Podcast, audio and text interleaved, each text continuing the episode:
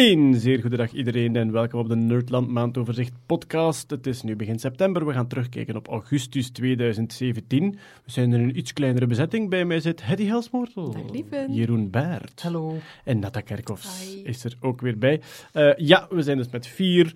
En eh, goh, qua wetenschapsnieuws, we hebben redelijk wat staan, maar ik denk dat de, de, qua grote nieuwtjes was het rustiger in de zomer. Komkommertijd. ja, ja. Of goed, ja. Meestal, meestal is het wetenschapsnieuws toch iets dat ze bovenal als ze geen ander nieuws hebben. Maar, Ja. maar de grote kleppers bleven een beetje uit. Zwart, er staan nog wel eh, boeiende dingen tussen. Die komen eraan. Wat gaan we allemaal zien? We gaan eh, varkensorganen die naar mensen getransplanteerd kunnen worden. Een beetje ruimtevaart, drones en rovers die naar planeten en manen gestuurd worden. Uiteraard een hoofdstukje Musk, quantumcomputers gaan passeren, eh van alles. Goed, maar we gaan binnen met, eh, wat zeg ik, we gaan beginnen met het giechelnieuwsje. Jee, giechelnieuws. Jeroen, eh, je had eh, heel veel lol op, op Ja. Twitter en wij met jou hoor. Eh, Ja. wat, wat, wat was het De, giechelnieuwsje? de, de titel van het artikel was ehm, Uranus opens and closes every day to let out wind. To let the solar wind pass. To let the Ja. solar wind pass. En Ja. blijkbaar zit er het magnetisch veld rond eh, Uranus, wat dat de planeet is uiteraard, maar als je dat, als je dat apart doet, Your en Anus, dan lijkt het alsof het over je poep gaat. Nee. Jawel, dit is nieuwe komische informatie. Maar dus, eh, blijkbaar heeft die planeet een soort van magnetisch veld dat elke dag omwisselt. En als uw magnetisch veld omwisselt, dan eh, zijn er bepaalde stukken atmosfeer die wel of niet openstaan. En dan kan er zonnewind binnen of buiten. En Ja, wetenschappers hebben dat ontdekt. Ik denk puur gewoon om die zin te kunnen maken. maar dat is... Ja, kijk, ehm, eh, eh, infantiliteit draag ik hoog in het vaandel. Dus ehm, alle, alle Uranus-jokes, eh, die, zijn, die, die vallen bij mij in goede aarde. En dus inderdaad, en deze was wel een schone, nee? Uranus opens and closes once a day. Ik, heb ook dat, dat, ik zit dat artikel dan giechelend te lezen, maar er staan hele boeiende dingen in. Ja, maar dan absoluut. van, het, is, eh, het, ja. is ook, het is ook niet... eh, Het is ook gebaseerd op een echt onderzoek. Hè. Het is niet dat... dat ja. Ja, ja, wat er dus gebeurt, eh, Uranus is een... Ja, we zijn nu in het Nederlands bezig. Ja, er, die luxe hebben we wel. Wij kunnen kiezen. Als Wij we kunnen- willen giechelen, zeggen we al in, alles in het Engels. En als we dan echt over de inhoud van het artikel kunnen hebben, schakelen we over op Nederlands en is alles een beetje We kunnen Uranus vanaf nu ook gewoon Uranus Uranus. Ja, Ja. eh, eh, nieuws over Uranus mag alleen door Injas van B gebracht worden. Uranus lekt de dus- wind. De planeet? Nee, nee. Uranus is een wauwe planeet. Eh, Uranus is dus effectief een rare planeet. Waarom? Die zijn eh, draaiingsas die ligt eh, plat. Dus de draaiingsas van de aarde die staat zo een klein beetje uit een haak, hè, waar wij seizoen hebben. Die, die as van Uranus ligt bijna horizontaal. Ehm, wat bijzonder gek is, dus waarschijnlijk is die net als de aarde het vermoeden is. eh, want goed, ja, dat moet altijd een reden hebben waarom dat uw as afwijkt. Hè. Ehm, eh, normaal gezien ontstaat een zonnestelsel uit een grote schijf stof die ronddraait. En eh, er valt een hele hoop stof naar binnen en dat wordt dan de zon. En er is een hele hoop stof dat de juiste snelheid heeft om te blijven draaien. En dat koekt dan samen. Maar omdat dat een beetje van buiten samenkoekt en een beetje van binnen, heeft dat een draaimoment. Maar die as moet normaal altijd loodrecht op uw ecliptisch vlak eh, van het zonnestelsel staan. En eh, de aarde heeft een afwijkende as, hoogstwaarschijnlijk door de botsing die de maan veroorzaakt heeft. Is een gigantisch eh, object dat tegen ons gebotst is en de maan zou dan een druppel aarde zijn. Dus er zou effectief Oh. een druppel van de aarde gespat zijn die dan ons maan geworden is. Is het meest waarschijnlijke vermoeden op dit moment, maar verre van zeker. En eh, Neptunus heeft dus een as die vlak ligt en ze Uranus, denken dus... Uranus, Eh, ja. ja, dank je wel, zeg. Met Neptunus kun je geen giechelnieuws maken. Hè? Ehm, Uranus heeft dus een eh, as die vlak ligt, dus waarschijnlijk ook een hele zware botsing gehad vroeger. Maar normaal gezien heb je dus uw as die recht staat. En als je dan een magnetisch veld hebt, door ja, die draaiing van uw, van uw eh, eh, materie, eh, van de planeet en van de, de binnenkant van de planeet, ehm, krijg je een, eh, je een magneetveld dat, dat van beneden naar boven wijst, volgens die as. Bij Uranus ligt die as plat en dat magneetveld wijkt eh 60 graden af. Dus in plaats van dat dat magneetveld, gelijk bij ons, wij, wij wijken 4 graden af, denk ik. Hè. De, de magnetische Mhm. Noordpool die reist een beetje rond af en toe. En op een kompas moet je van bij ons, ik denk, 4 graden eh, verkeerd leggen. Op Uranus eh, eh, gaat uw kompas dus, ja, op Uranus is uw kompas dus 60 graden verkeerd. Ehm, dus eigenlijk, je stelt je dat voor als die planeet, die draaiingsas ligt plat, En die planeet die draait dan ja, een beetje gelijk een wiel, hè, want het, het ligt helemaal plat. Maar die, dat magnetisch, eh, die magnetische Noordpool die komt daar aan de zijkant uit. Met als gevolg dat die elke dag ronddraait. Ja. Ehm, en een dag duurt, ik denk, 17 uur maar op eh, Uranus. Dus elke 17 uur wijst die Noordpool naar de zonnewind. En dat is wat er aan de hand is. Hè. Dus bij ons, de zonnewind komt aan en wordt door het magnetisch veld afgebogen. En enkel bij de polen komt het naar binnen. En daar heb je het noorderlicht aan. Maar die, die pool die, die wijst dus op Uranus. Om de 17 uur wijst die recht naar de zonnewind. En dan zou die zonnewind dat magneetveld kunnen wegblazen. En moest je dat daarna terug herstellen. En ehm, de, eh, de bevindingen zijn gebaseerd op data uit de jaren 80. Dus blijkbaar was er, er was een flyby van, van Uranus in de Ja, jaren Voyager 80. 2. Ja, en dus het, het zou gebaseerd zijn op de data die ze daar gehaald hebben. Waarom dat ze nu pas mee begonnen zijn, ze hadden waarschijnlijk een grappige titel nodig. Ze dachten, een keer Ja. zien wat er bij Uranus nog Of tegen dat je al die diskettes hebt opgeladen. Voilà, maar dus eh, ja, het draaiende magneetveld en de zonnewind die zich daar dus tussen kan murmen. Want je, je kunt op Uranus echt ook zo, eh, op die afbeeldingen zie je soms eh, vlekken ja. van eh, noorderlicht, van aurora borealis. Maar inderdaad, wat gaat er overleven in de geschiedenis? Uranus opens and closes once a day to let the solar wind pass. Goed, tot zover het giechelnieuws. Volgend nieuwsje, eh, eh, een CRISPR-nieuwsje alweer.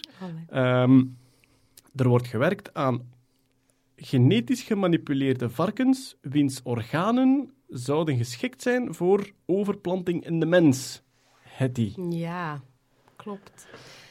Er zijn eh, twee grote problemen hè, als je organen uit varkens wil transplanteren in de mens. Eerste is, die eh, varkens die dragen in hun genoom, dus in hun letters DNA, hun DNA-sequentie, een aantal virussen met zich mee. Men noemt dat de PERVs, de porcine, eh, nu moet ik eventjes spieken hoor, endogenous retroviruses. Dus ze zijn virussen. Ehm, wat er in dit artikel ehm, eerst onderzocht is, is of die virussen kunnen overslaan op menselijke cellen in het labo. Dat blijkt het geval te zijn. En mensencellen die geïnfecteerd zijn, kunnen op hun beurt gezonde andere mensencellen infecteren. Maar Dus- wacht, want we moeten even... Ja. ehm, eh, een, een, een virus... eh, een, een virus, dan denk ik aan een propje DNA dat zich omgeven heeft door de juiste eiwitten om een cel binnen te dringen en die cel gebruikt Ja, om het virus te doen kopiëren. Maar jij zegt net dat ze in het DNA zelf wel, zitten. een eh, virusgenoom, of dat nu RNA of DNA is, moet altijd integreren in het DNA van zijn host, dus Ja. van de cel die hij of zij of het binnendringt. En maakt dan gebruik van het mechanisme van die cel om Ah. zichzelf te vermenigvuldigen. Oké, want dus, goed, ik, ik wist dat een, een, eh, een virus heeft geen eigen cel Nee, Dus heeft heel dat systeem niet om zichzelf te vermenigvuldigen en gebruikt de celfabriek van zijn gastheer. ja. Maar ik dacht dat het genoeg was dat hij gewoon ronddreef in de cel, maar Nee. die moet echt in het DNA kruipen. Ja, Oké. om daar gekopieerd en vooral afgeschreven te worden. Hè. Ja. Die genen moeten, eh, dus dat DNA moet in RNA vertaald worden, daar Ja. moeten eiwitten van gemaakt worden. Maar zo'n virus heeft dat allemaal niet Ja. eh, zelf, dus ja, gaat hij zich integreren in het DNA. Wij dragen trouwens ook heel veel restanten van virussen met ons mee in ons DNA. Eh, ja. En die varkens hebben andere virussen. En die varkens hebben dan inderdaad de virussen die varkenscellen besmetten. Mhm. Maar het probleem is dus dat dat gevaarlijk is. Hè? Dat dat kan overslaan naar de mens. En dat mensen daar ziek van kunnen worden. Dus wat ze nu gedaan hebben, of geprobeerd hebben, is ehm, die virussen uit te schakelen met CRISPR.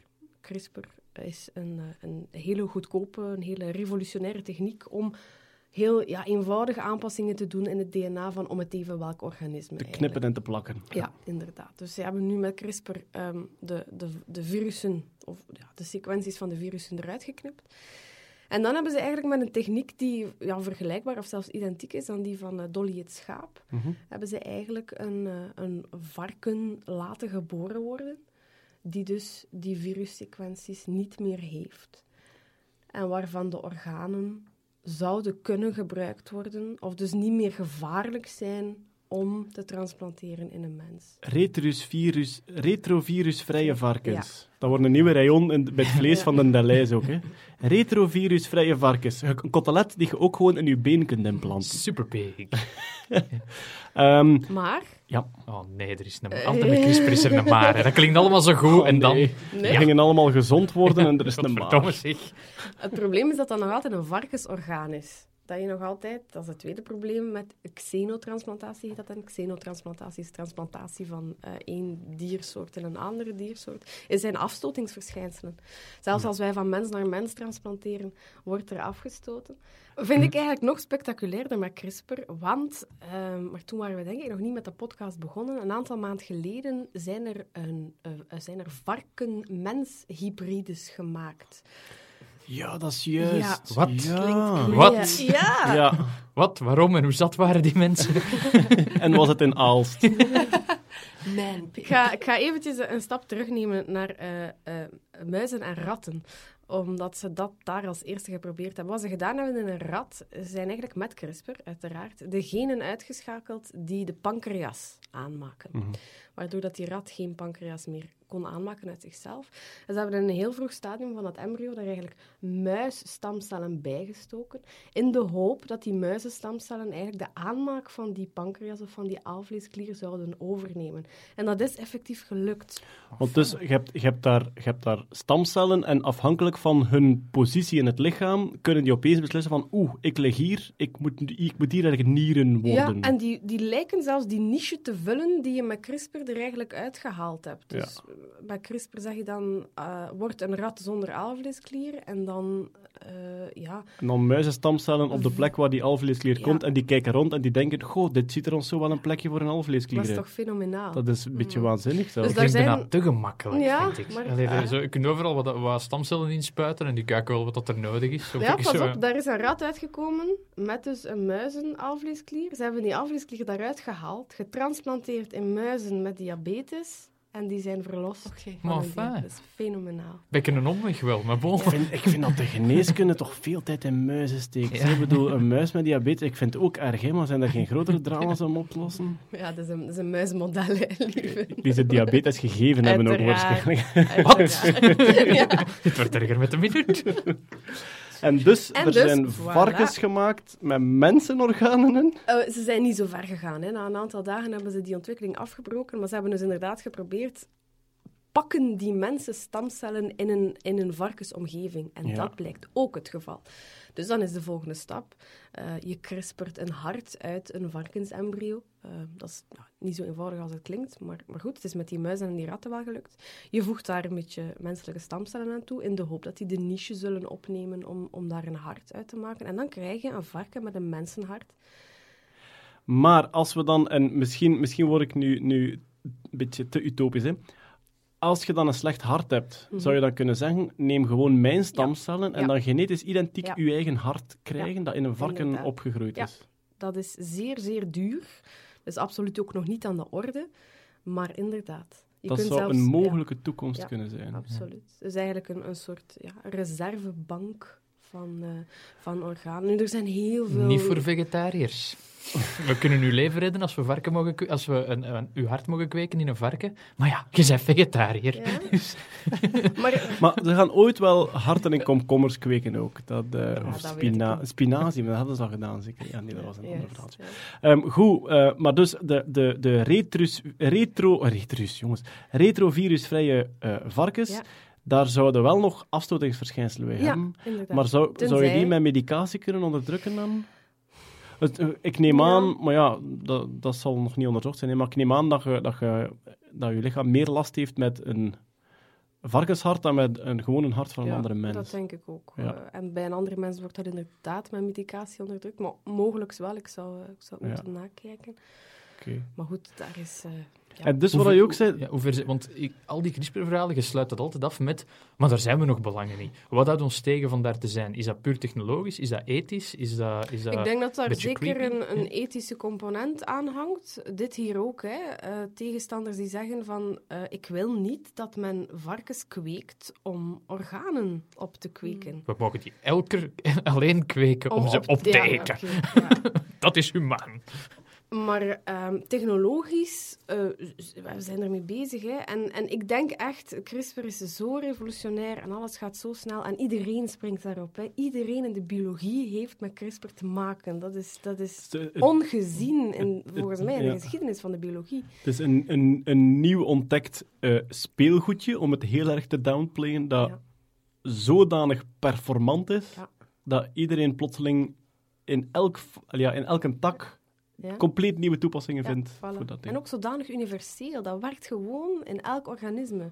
Het, het, het eerste organisme waarin CRISPR niet werkt, dat, dat moet nog gevonden worden. Ik probeer het met ontde- een ontdekking in een andere wetenschapstak Ja. te vergelijken. Zo, eh, in een andere wetenschap, wat zou zo'n ontdekking zijn dat vergelijkbaar is met CRISPR? Iets dat echt Zeg, maar de zouden, geen, toekomst verandert. zouden, dan niet, zouden niet het eerste organisme waarop CRISPR niet werkt kunnen creëren met CRISPR? Oeh. Als primeur. Oh. Wat zijn we ermee? Niets, maar het bestond nog niet. Ja. We zien Daar sluit, me, daar sluit mijn vraag bij aan, Hetty. Daar heb ik echt al een maand achter willen vragen. Stel, ik ben echt een gemene kerel. Stel, hypothetisch. Welke wapens kan ik met CRISPR maken? Zou ik... Er is in Mission Impossible 2, is eh, denk ik het plot dat een of andere slechterik een virus kan maken dat je zo specifiek kunt targeten op ene persoon, omdat ze dat DNA ervan... Dus ze hebben een haartje van Lieve kunnen eh, verkrijgen, omdat hij ergens een jas heeft laten hangen. En ze willen Lieve Scheire vermoorden of verschrikkelijk muteren.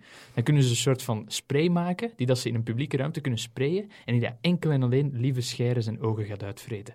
Technologie... Zouden we dat kunnen nu? Technisch gezien. We zijn allemaal een beetje verschillend, dus eh, op, op DNA-gebied wel. Het probleem is altijd, hoe krijg je eh, dat hele CRISPR-systeem in het volledige lievenscheire gegeven? Want dan moet de cel binnenkomen. Hè? Ja, dan Ah, moet ja. elke individuele cel binnenkomen. Dus daar zijn ze nu ook heel hard mee bezig. Dus je kunt Maar dat niet gewoon zo inademen. Nee, je kunt niet dat- gewoon inademen, dat is het probleem. Als het in een virus verpakt zou zitten, dan Hmm. eventueel wel. Maar goed, dan gaat het naar de longen, gaat het naar de bloed. Ehm, die Ja. ogen zijn misschien nog veraf. Maar er is Ja, iets maar, voor de maar ogen. je zou het specifiek kunnen targeten op één individu. Ik wil dat iedereen, er 100 man in een ruimte, die ademen allemaal dat virus in. Ik wil dat enkel en alleen lieve scheire doodvalt. Zo, Hetty, waarom lukt het nog niet? Om ethische redenen. ik denk technologisch zou het kunnen. En ook, ja, in, in Dan Brown, Inferno, zit daar iemand die een, eh, een virus wil verspreiden om eh, de mensen steriel te maken, hè, omdat er te, te veel volk op de wereld rondloopt. Dat zou ook... eh dat Maar zou kun je daar dan ook niet bijvoorbeeld je levensduur heel lang mee verlengen? Als je dat zo overal zo... Stamcellen, nieuw hart, de oud eruit, nieuw erin. Le- levensduurverlenging is, is eh, eh, uitermate populair Mhm. momenteel, ook in, Mhm. de, in de wetenschap en in de, in de nieuwsbrieven. Maar ehm er zitten stukjes CRISPR in, maar er wordt meer op andere dingen ingezet. Zo telomeren en zo. En Ja. vooral ontdekken, ontdekken wat dan nu de drijvende mechanismen achter veroudering zijn. Maar er was nu, er was nu weer een interview met zo'n ja, een eh, verouderingsspecialiste, een Nederlandse, denk ik. Die, die zei van, goh ja, misschien komt er wel eens een grote doorbraak Mm. niet dit jaar, maar in de volgende decades, waardoor dat onze levensduur opeens spectaculair verlengt. Hè. Dat je zo die, nu wordt 120 zo'n beetje gezien als, daar geraken we toch niet Mhm. over, met, met, met het, ja, dan, is, dan is het menselijk lichaam sowieso op. Dan zeg van, ja, misschien vinden we wel iets, hè. dat je zo over drie, vier generaties, dat ze 200, 300 jaar kunnen worden. Er is nog niets dat erop wijst, hè, maar er is ook niets dat het uitsluit. Willen we dat? Ehm, ja, er, wordt altijd, er wordt altijd zo gezegd van, amai, zo lang leven, dat lijkt mij zo saai. Ik vraag me soms af wat dat niet voornamelijk een beetje rationalisering is. Mm. Dat je Ja. zo voor Ja. jezelf, voor jezelf wilt, wilt, wilt goed praten, dat je toch doodgaat. Ja. Mm. Je hebt Netflix nu, hè. kun je echt lang Ja. bezighouden. Dat is wel waar, Dat je dat lang. overal door bent. En ook wat er tegenwoordig niet aan podcast gelijk deze gescheten wordt, dat je dat allemaal gehoord hebt. Ik, eh, ik raak er niet meer. Hè. Dus ik kan het wel doen met een jaar of 300, 400 erbij. Gewoon, gewoon voor Doctor Who in te halen. Jeroen, over Doctor Who gesproken. Jij oh ja, dat is mislukt. Dat is mislukt. Ja, hebben. ja, het is voor de volgende maand. ja. Sorry. Zwart, zorg dat je mee, zorg dat je mee bent tegen het begin van het volgende ja, seizoen. met de, met de want- vrouwelijke Ja, ja. Doctor Who, ja. Want, en dat is het schone ook aan Doctor Who, het is ehm eh, evendimensionele tv in die mate. Na de aflevering eh, komt het volledige Whovian-leger in beweging online. En komen alle plotwendingen en vermoedens en Mhm. wat er daar en zo en fanfiction en dat is mogelijk zo. Dat komt onmiddellijk in beweging na elke aflevering. En dat is wel tof om live mee mee, te ja, maken. ja. Maar dat wordt vaak ook die, die makers van lezen dat ook. Hè. En soms houden die daar effectief rekening mee, zo met wat de grootste fanfiction zijn. Ja, ik heb dat gehoord. Hè. Oké, ja, dat kan wel. Goed, eh varkensorgaan. Ah ja, ik had nog één vraagje. Je zei net, eh, het is een techniek van Dolly, dus Ja. ze, ga, ze, ze nemen één cel van een bestaand varken, Ja, ze crisperen alle retrovirussen eruit, ja. en dan gaan ze die cel gebruiken om te klonen. Wel, dan, eh, dus ze hebben die cel, dat is lijn A. Dan lijn B is eigenlijk, ze nemen een eicel van eh, ja, een vrouwelijk varken, uiteraard. Ja. Ze nemen daar de kern uit weg, zodanig dat je eigenlijk een quasi lege eicel hebt. Daar zitten nog wel wat, wat andere eh, dingen in, mitochondriën en zo. En dan doen ze een fusie van die gekrisperde cel en die lege eicel. Die, ja, dat wordt dan één geheel. Maar dan eh, met elektrische pulsen ehm, laten ze die gefuseerde cel eigenlijk delen. Zodanig dat hij denkt dat hij een embryo is en dat hij dus begint... Want het probleem Wat een is, Frankenstein, zeg. omdat je in die gekrisperde cel zit, je al, is al diploïd. Die heeft al twee paar van elk chromosoom. Normaal, een spermacel heeft de helft Ja. en een eicel heeft de helft. Maar hier ja, fuseren een lege eicel met ja, een, een cel die uit de huid komt of zo. Bij Dolly was het uit ehm borstklierweefsel. Ehm, die heeft al ja, twee paar van elks. En Chromosoom, ja. dus meng je die en met een elektrische puls begint die zich dan spontaan of niet zo spontaan. Frankenstein, hè. Het is- It's alive! Frankenstein was het monster? Nee, was het de dokter niet het monster? Ah, dat Ik- is juist. Over naar de ruimtevaart. Yay. Er was eh, een nieuwsje over een... ehm, ja, het is, het, is, wel- het is wel een tijdje, gaat, eh, passeert het af en toe eens. Maar ze zouden nu toch beginnen aan plannen om een drone naar Titan te sturen. En Titan is mijn favoriete maan in het zonnestelsel. Is de Ehm, maan van... Saturnus. Een van de manen van Saturnus. Niet van uw anus. Helaas. Godzijdank. Helaas, geen gichelnieuwsje. Ehm ja, eh, eh, Titan... Er Ja, is een vraag. Wat is het verschil tussen, tussen ja, een drone? Hier op aarde kan ik me daar iets mee voorstellen, maar is basically niet elk tuig dat je de ruimte in lanceert, ja, dat vliegt. ja maar nee, een maar het, het, het zal een drone zijn op de oppervlakte. Dus Aha. effectief een, een, eh, eh, een octacopter, dus met acht schroefjes, net zoals een drone hier, die dan door de atmosfeer van Titan eigenlijk van de ene plek naar de andere gaat, eh, gaat zoeven. Ehm, ja, Titan is geweldig boeiend, omdat Titan heeft eh, zeeën, meren, rivieren, heeft vasteland, heeft wolken, een atmosfeer, er is regen, er is bliksem, allee, er is eigenlijk gigantisch, er is ook water. Alleen het water is het vasteland. Want het is daar min 180 graden Celsius. Dus het water is... De, de, land... Ja, de continenten zijn ijsmassa's. En de zeeën bestaan uit eh, methaan en ethaan. En dus ook de atmosfeer is voornamelijk methaan en ethaan. En de wolken ook. En, eh, ja, en dan bliksemt het daarin, maar dat ontvlamt niet, want er is geen zuurstof. Ehm, ja. Ehm, goed, maar eh, je hebt daar dus bliksem in een omgeving van koolwaterstoffen. Dus dat wordt zo'n beetje gezien als een labo om zo het ontstaan van het leven te, te onderzoeken. Je hebt, je, hebt die, je hebt die befaamde experimenten gehad hier op aarde. Dat ze ook bliksems door zo'n beetje een oersoep Ja. van koolwaterstofatmosfeer aan het jagen waren om te zien of dat daar dan bouwstenen uitkwamen, aminozuurachtige Ja. dingen en zo. En ja, hier op aarde was dat een klein experiment dat even gestaan heeft. En Ginder hebben gewoon een maan die dat eh, al gigantisch lang doet. En dus ze zouden willen gaan kijken van wat vormt er zich hier juist. En toen dachten ze, we kunnen daar een landerke naartoe sturen, maar dat staat dan op één plek. En dan moet Ja. daar dan een beetje boren en doen. Als we nu een drone bouwen, dan ze zouden met die drone naar vier verschillende plekken willen vliegen. Ja. En dan eigenlijk boringen doen, eh, spectrometer enzovoort. En het zou een eh, nuclear-powered drone worden. Oh nee. Wanneer willen ze dat doen? Eh, het, het is echt in, in zeer vroeg ontwikkelingsstadium, namelijk eh, het is nu goedgekeurd voor een volgende fase. En die volgende fase wordt nu uitgewerkt en die komt in 2019 samen met een hele hoop andere voorstellen voor de commissie om te beslissen of ze het gaan doen of niet. Wacht maar, nuclear powered, is het dan met een fusiemotor of niet? Nee, eh, de, de, de nuclear-powered ruimtetuigen en ook de U-boten vroeger, dat zijn eigenlijk gewoon zeer, eh, zeer stevig nagloeiende ehm, eh, eh, ja, nucleaire massa, dus uranium of plutonium. Ja. Ze gebruiken gewoon de, de, de hitte van het Ah, nagloeien en ze gaan geen kettingreactie op gang brengen. Dat, lijkt me een beetje slecht. niet zo ja, dat we zo naar een inderdaad. maan gaan en op alles kapot. Ja, op zich wordt daar wel altijd rekening mee gehouden. Als er zoiets gelanceerd Ja. wordt, als die lancering mislukt, dan krijg je wel een beetje een fallout natuurlijk. Je hebt een beetje een vuile bom gemaakt. Hè? Dus daar, ze zijn altijd wel nerveus als ze zoiets, eh, als ze zoiets de lucht in poefen. Zijn er wel ruimtetuigen die nucleair aangedreven worden? Ik, ik hoop van niet. Ja, heel Ja? veel. Ja, absoluut. Ja, ja. De, meeste, de meeste van die, eh allee, denk ik toch, de meeste van die, van die sondes hebben zo wel een, een nucleair elementje dat constant voor hitte zorgt, waarmee dat die hun, hun energie voorzien. Hè? Ja, Ja. zo depleted. Ja, oké. ja. Ja, maar dan zo- laag zoals- radioactief. Ah, maar ja, zoals, Ja. zoals de, zoals de, de ehm, nucleaire onderzeeboten ook. Hè. Ja. Daar zit ook zo'n een, een generator in. Omdat dat qua, qua gewicht, qua langdurige energie die je uit dat gewicht kunt halen, is dat wel gigantisch efficiënt natuurlijk. Dat is juist. Ja, eh, ja, dus een drone naar Titan. Ik ben natuurlijk gigantisch voor. Er zijn ook plannen om een bootje naar Titan te sturen. Of een onderzeeër. Een onderzeeër naar Titan. En ik zat even te denken, hoe cool zou het niet zijn als je een soort ehm, swarm robotics naar een planeet of een maan kunt sturen. Dus dat je... Stel nu, je ontwerpt een soort unit die zo klein mogelijk is en die zowel kan eh, drijven als zinken als vliegen.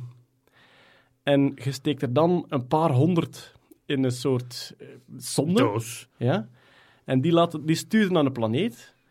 En dan laten ze maar verspreiden. En als er 1 op 10 kapot gaan onderweg, geen probleem, want je hebt er nog. En als er een paar zijn die op nutteloze plekken terechtkomen, ook geen probleem. En als die dan data doorsturen van zowel in de lucht als onder water als gelijk wat. Zwat, ik ben een beetje futuristisch aan het dromen. Dat is een soort van general purpose doos met nanobots in, Maar dat je zo gewoon maar kunt rondsprinkelen en we zien wat dat er binnenkomt. Maar ja, ge- gewoon, gewoon een beetje de, de, de eeuwenoude truc van in plaats van iets heel duur te maken voor één specifiek iets, iets massa produceren. Maar wat je natuurlijk ook hebt bij die een drone, is dat je, en wat je ook bij die swarm robotics zou moeten in rekening brengen, is dat je met compleet andere omstandigheden zit, namelijk een, een, op Titan een lagere zwaartekracht en een densere atmosfeer. Ja, dat dacht ik ook al. Dat kan toch niet makkelijk zijn om met dezelfde technologie dan precies... Nee, nee, dat moet je compleet herrekenen. Dus een densere atmosfeer, dus je, je schroef moet eh, trager draaien. Mm. En een lagere zwaartekracht, dus je moet je accelerometer, wat dat, ja, de reden waarom dat die drones nu opeens zo boomen is, omdat die accelerometers zo gigantisch goed geworden zijn, dat die elke, elke tilt en ja, ja, dat ja. die elke, elk onevenwicht detecteren en direct kunnen compenseren. Maar ja, die werken totaal anders als je, als je zwaartekracht verschillend is. Hè. Je, je zit de naam van het ding vergeten. Het is de Dragonfly. De Dragonfly. Dragonfly. Ja, inderdaad. Dat, dat zit al goed. Ja, eh, goed. Dus bootjes, onderzeeërs naar, naar, naar Titan ehm, zitten ook nog in de running, denk ik, voor, voor de voorstellen. Maar een, een drone zou wel, eh, zou wel tof zijn. Ehm, en er was nog een ander, eh, een ander voorstel om, ja, dat, dat zit in een nog vroegere fase, om een wagentje naar Venus te sturen. Wat bijzonder moeilijk is, omdat dat daar gigantisch heet is. Hè. Dat is er een paar honderd graden. Ehm, en er, ja, er bestaat geen elektronica die daar langdurig overleeft. ja. En nu is er dus een of andere kerel begonnen, eh, onder, de, onder de koepel van de NASA, begonnen met het ontwerpen van een compleet mechanische rover met ook mechanische computing aan boord. Zo'n zo'n differential machine. Ja. Effectief. Oh, zalig. Effectief. Dus die Ja. is, nu, die is nu bezig met... Het zit compleet in de onderzoeksfase. Maar die is nu bezig met tandwieltjes en klepjes te ontwerpen van metalen die die temperaturen aankunnen. Want lood zou smelten op Venus bijvoorbeeld.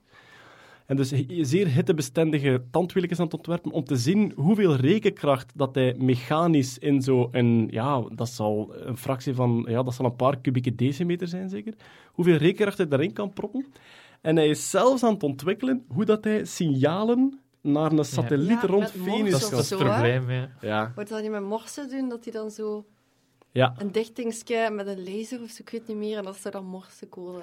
Maar ja, als je kijkt met hoeveel rekenkracht dat wij maar naar de maan geraakt zijn, dat is... dan... Minder dan een Game Boy. Ja. Ja, de maan is... De maan, maar de, de rekenkracht, zowel in het ruimtetuig als op aarde, is een fractie van uw telefoon. Ja. Om Dat- naar de maan te Dat gaan. komt ook omdat vroeger moest, systemen moesten kei reliable zijn. Dus van de tijd van de space shooter hadden ze al hogere rekenkracht. Maar zelfs dan zaten we met computers aan boord van 15 jaar oud, omdat die proven zijn gewoon. Ja, ja, Die, ja. die, die draaien al op een andere plek 15 jaar en er is niks Ja. mee gebeurd. Ja. Dus, eh, Maar goed, ehm, nog altijd, als je het zuiver mechanisch wilt doen, kom je nog maar uit op een fractie van wat de maanlanding al je krijgt. Mechanisch krijg je Nee. dat onmogelijk zo compact. Nee. Ik ben zelfs heel benieuwd wat überhaupt mogelijk is, omdat... Ja, zwart. ehm, ze zijn ermee bezig en inderdaad, geen dat gezegd, die, de, de communicatie, dat ding kan natuurlijk geen elektrische signalen uitsturen. Nee. Dus de truc die ze nu gehad hadden was... Ik dacht, ze gingen, ze gingen een bepaald... ehm, een bepaald plekje maken bovenaan op dat wagentje, dat zeer reflecterend was voor de radarstraling van die satelliet. Ja. En dat gingen ze afdekken en niet afdekken volgens een soort morsecode. En zo kon die dan binair dingen doorsturen. het, het, de het concept ziet eruit als zo'n soort van ja, microgolf op wielen. Ja, dat is waar. Eh, de, de rupsbandjes gaan rondom rond. hè. Dus zitten Ja. zowel gaan rondom rond langs de zijkant van, van boven naar beneden rond heel dat dingetje. En zijn gebaseerd op de tanks van Wereldoorlog 1 die zo over de, over de greppels reden en zo. Maar eh, ja, goed, je hebt, dan, je hebt dan rekenkracht en een roverke op Venus, maar wat gaat hij dan doen? Ik bedoel, in godsnaam, als die, als die boort in de grond, hoe kun je met mechanische rekenkracht een bepaalde stof analyseren? Of ja, een temperatuur doorsturen gaat misschien nog lukken, Misschien, maar... daar heb ook rekenkracht voor nodig. Hè. Alleen zo Nee, niet spectrogra- per se, hè. spectrografie en zo dat al niet kunnen doen. temperatuur kun je toch, like een thermostaat werkt ook met zo bimetalen? Dat is waar, Ja. maar ja, goed. Ja. Maar daar, daar, moet dan, daar moet dan een soort getal uitkomen, dat- mechanisch, Ja, ja. dat dan ook nog je een dat keer... met een wijzerke misschien zo kunt... Maar dat moet dan ook nog eens, dat wijzigen moet nog eens mechanisch omgezet worden En naar dan die Dat code. reflecteren, ja. Dus ik wijs die kerel alle succes. en ehm, ja, die, die moet dat gewoon proberen, want stel dat dat lukt, is dat gewoon weer... Dan heb je gewoon steampunk op Venus. Het is daar 462 graden Celsius op het oppervlak. Dus inderdaad, de meeste metalen vallen al gewoon af, omdat die smelten gelijk boter als je dat er... Ja, dat Ja. gaat... eh, ja, dat is... Ah, ja. maar goed, het is een, een, een, een eh, spannend projectje, Toen we, denk toen denken aan van die strandlopers. Je hebt zo van die kunstprojecten Ja, op stranden. Zo, Strandbeesten. ja, Strandbeesten strandbeesten. van Ja, daar, doet, daar doet Jansen, me een beetje aan denken. En wel, maar die strandbeesten, wat, dat, wat dat die kunnen, met zuiver door gebouwd te zijn met eigenlijk plastieke buisjes en een beetje Ja. luchtdruk, dat is... Ja, ze, ze kunnen niet zoveel, hè. Maar die kunnen wel van, van richting veranderen Ja. en zo, en water detecteren. En daar stond ik al zo van te kijken, dat, dat ik denk van, goh ja, laat die mens maar proberen. Wie weet vindt Het hij iets. ja. Misschien vindt hij niks voor op Venus, maar vindt hij een hele hoop mechanische dingen. Want er zijn ook gebieden op aarde waar je liefst niet met elektriciteit werkt. Ja. Eh, We zullen zien. Maar dus eh, eh, een drone naar Venus en wie weet ooit een mechanische rover... eh, nee, een drone naar, naar Titan en wie weet ooit een mechanische rover naar Venus. Maar goed, die drone in Titan, eh 2019 komt die bij de officiële voorstellen. En die een rover naar Venus die zit compleet in echt ja, experimentele fase, maar wel zeer boeiende experimentele fase. Weg van de ruimte naar het verleden. De grootste dinosaurus ooit zou ontdekt zijn in Argentinië. Ja. Patagonië in Argentinië. Ja. Het gaat over... ja, hij is eigenlijk al ontdekt. Hè. In 2012, 2013 is hij al gevonden door een Argentijnse boer die dat was tegengekomen. En die zei van... Wat is deze? en dan komt er een team archeologen en, en dinosaurus hunters en zo naar kijken. En dan hebben ze, ik geloof, zes individu ja, individuele dinosaurussen gevonden. En dan eh, duurt dat natuurlijk nog even voor ze doorhebben van, is dat een nieuwe soort, is dat een oude soort? Want ja, ze hebben wel vaker die, die fout gemaakt van, ah, het is een nieuwe soort, en dan blijkt, ah nee, het is gewoon maar een grotere van die. Mhm. En ehm, ja, ze hebben die dat nu de officiële naam gegeven, de Patagotitan majorum. En hij zou 37 meter lang zijn geweest, 6 meter hoog en 70 ton hebben gewogen. Oké. Dat komt overeen met 10 olifanten of één lege space shuttle. Oh, Ja, dat is Leeg. Toeval? Een lege. Van Toeval? gewicht. Ik dacht het niet. van gewicht. En ehm, wel, welk type is dat? Is dat dan meer zo dat, dat, ehm, Het dat is eh, Het brontosaurus-type? een, het is een titanosaurus, dat- dus dat is effectief al wel de orde. En daaronder komt dan nu de nieuwe Patagotitan majorum. Oké. En die behoren tot de sauropoden, dus dat zijn inderdaad zo de heel grote vleesetende Vier poten, lange vier- nek. viervoetig, poten, ja. diplodocus en zo. Vlees of, eh, of planten? Planten, planten, ja. ja, ja. En ik zei net Brontosaurus, maar die bestaan niet meer. Hè. Was dat geen foute volgens mij categorie? was dat nu wel terug, dat die Ja? wel terug bestaat. Maar, maar ze hebben een tijd gedacht, het is niet, Er zijn is wel... heel veel dingen in die dino-wereld dat zo is van... Nee, nu hebben ze allemaal veren. En dan drie jaar Ja, later... ja. Nee, toch Maar niet. Sommigen hebben geen veren niet meer. moeilijk, Dat is verschrikkelijk, Omdat dat ook zo gefragmenteerd daar ligt. En dan moeten ze daar. Puzzelen. En... Ja. Ik las nu onlangs, want voorstellen. dat is, allee, dat is, dat is het, het, het voordeel en het nadeel. Het is natuurlijk heel moeilijk om er onderzoek op te doen. En ja, je, je moet altijd wel hypotheses stellen. En als je maar heel weinig hebt om op af te gaan, is het moeilijk om die te testen. Maar wat, er was nu een hypothese dat een, eh, eh, ik denk dat een Apatosaurus was, die ook zo'n hele lange staart had. Ja, ja. Ze hadden gezien uit die, uit die anatomie dat die die staart waarschijnlijk gebruikte om zweepslagen mee uit te delen, ja, ja. maar dat die... De Kinkisaurus. Maar, Nee, die konden echt zo Tyrannosaurus en toen ook... Ja, maar daarna hadden ze gezien van, goh, misschien was hij toch niet sterk genoeg om echt iemand een lap mee te geven. En plots was het vermoeden, misschien gebruikte hij die om een zweepslag geluid mee te maken. Ah. En dan hebben ze al die berekeningen gedaan. Als je, dus zoals bij een zweepslag, waarbij dat er vermoed wordt dat je door de geluidsmuur gaat, met dat Mhm. tipje van die zweep, wordt er, eh, hebben ze dan die berekeningen gedaan en ze kwamen uit op eh, 200 decibel. Dus een, een, een vurend kanon, Ja. eigenlijk. En goed, de vraag is dan altijd van, ja, je moet ergens hypotheses stellen en die beesten lopen niet meer rond en je moet alleen maar afgaan op zo'n skelet. En je zit ook wel ergens met een publication bias, namelijk als er iemand dat vermoeden poneert, is het nogal logisch dat dat in de gazet komt. Dat ik het niet ook vermeld, omdat Ja. het gewoon spectaculair is. En ik vind het altijd moeilijk om in te schatten. In hoeverre is dat een hypothese waarvan ze zeggen het had gekund, of is dat echt gebaseerd op... eh, In, in China hadden ze er onlangs ook een gevonden, zo groot als een fazant. En die had veren, maar de hypothese is dat die niet vloog. Maar velociraptors ook, hè. Ja. Die ja, zouden ook veer hebben gehad. Ja. ja, Maar ja, hoe moeilijk is dat? Dat is bijna onmogelijk. Daar kunnen ze maar van uitgaan. Allee. Ja, de- meestal, de, de hypothese van veren volgt meestal omdat ze amber vinden rond de dinosaurussen. Amber, Jurassic Park, maar eh, met, met afdrukken van veren in. Eh, ja. Maar ja. Maar ja, goed, de, de evolutie van de vleugel is sowieso moeilijk. Hè, want Ja. de vraag is, is, is een halve vleugel nuttig? Dat is zo Mhm. een van die evolutionaire kwesties. Ja. Maar als je veren hebt gewoon als begroeiing en als, als isolatie dan, of om een andere Of om, reden, om paar, alleen om imposant eh Mm. paarrituelen Ja. te, te maken. Dus, dan kom je dichter bij de evolutie van een vleugel als zijnde van ja, je kunt er eh iets sneller mee lopen als je je luchtweerstand kunt achteruit duwen of zo. Ik, ja. ik hoop dat ze van die Titanosaurus, dat ze daar koeken van gaan maken. Dat ik echt Ja, zo'n gigantische mega dino... Echt, maar echt, echt De zo... grootste dat, je, dat je die met twee moet dragen. Ook. Ja, maar blijkbaar, ze wisten trouwens ook al dat dat jong volwassen exemplaren zijn dat ze hebben gevonden. Dus het zouden misschien nog niet eens het grootste zijn. Ah. Er lagen zo wat cd's en een wietpijp naast. Maar ook, Jullie zijn niet mijn echte ouders. Niemand begrijpt mij. maar ze hebben ook in 2016 in eh, New York, in het American Museum of Natural History, hebben ze dat skelet proberen op te stellen. En dat was zo groot dat hij met zijn kopje zo uit de zaal moest gaan hangen. Zo, want het paste gewoon niet. Dus, Mijn, mijn, mijn vriendin was onlangs naar het Natuurhistorisch Museum geweest Ja. en die kwam terug en die zei van... Ja, die dinosaurus was wel knap, maar dat zijn geen echte botten. Die vond gewoon het feit dat dat plaster was, Ja. afdrukken, Ja, ja, ja. vond hij dat vals. en eigenlijk, als je daarover nadenkt, Dat dan is, dat van... Ik zit niet naar een dino te kijken, ik zit naar opgevulde Ja, lucht te kijken van wat dat ooit een dino was. Dus eh, ja, ja, het, het Ja. feit dat hetgeen wat fossileert, Ja, is meestal niet zozeer het oorspronkelijk materiaal, maar een opvuls...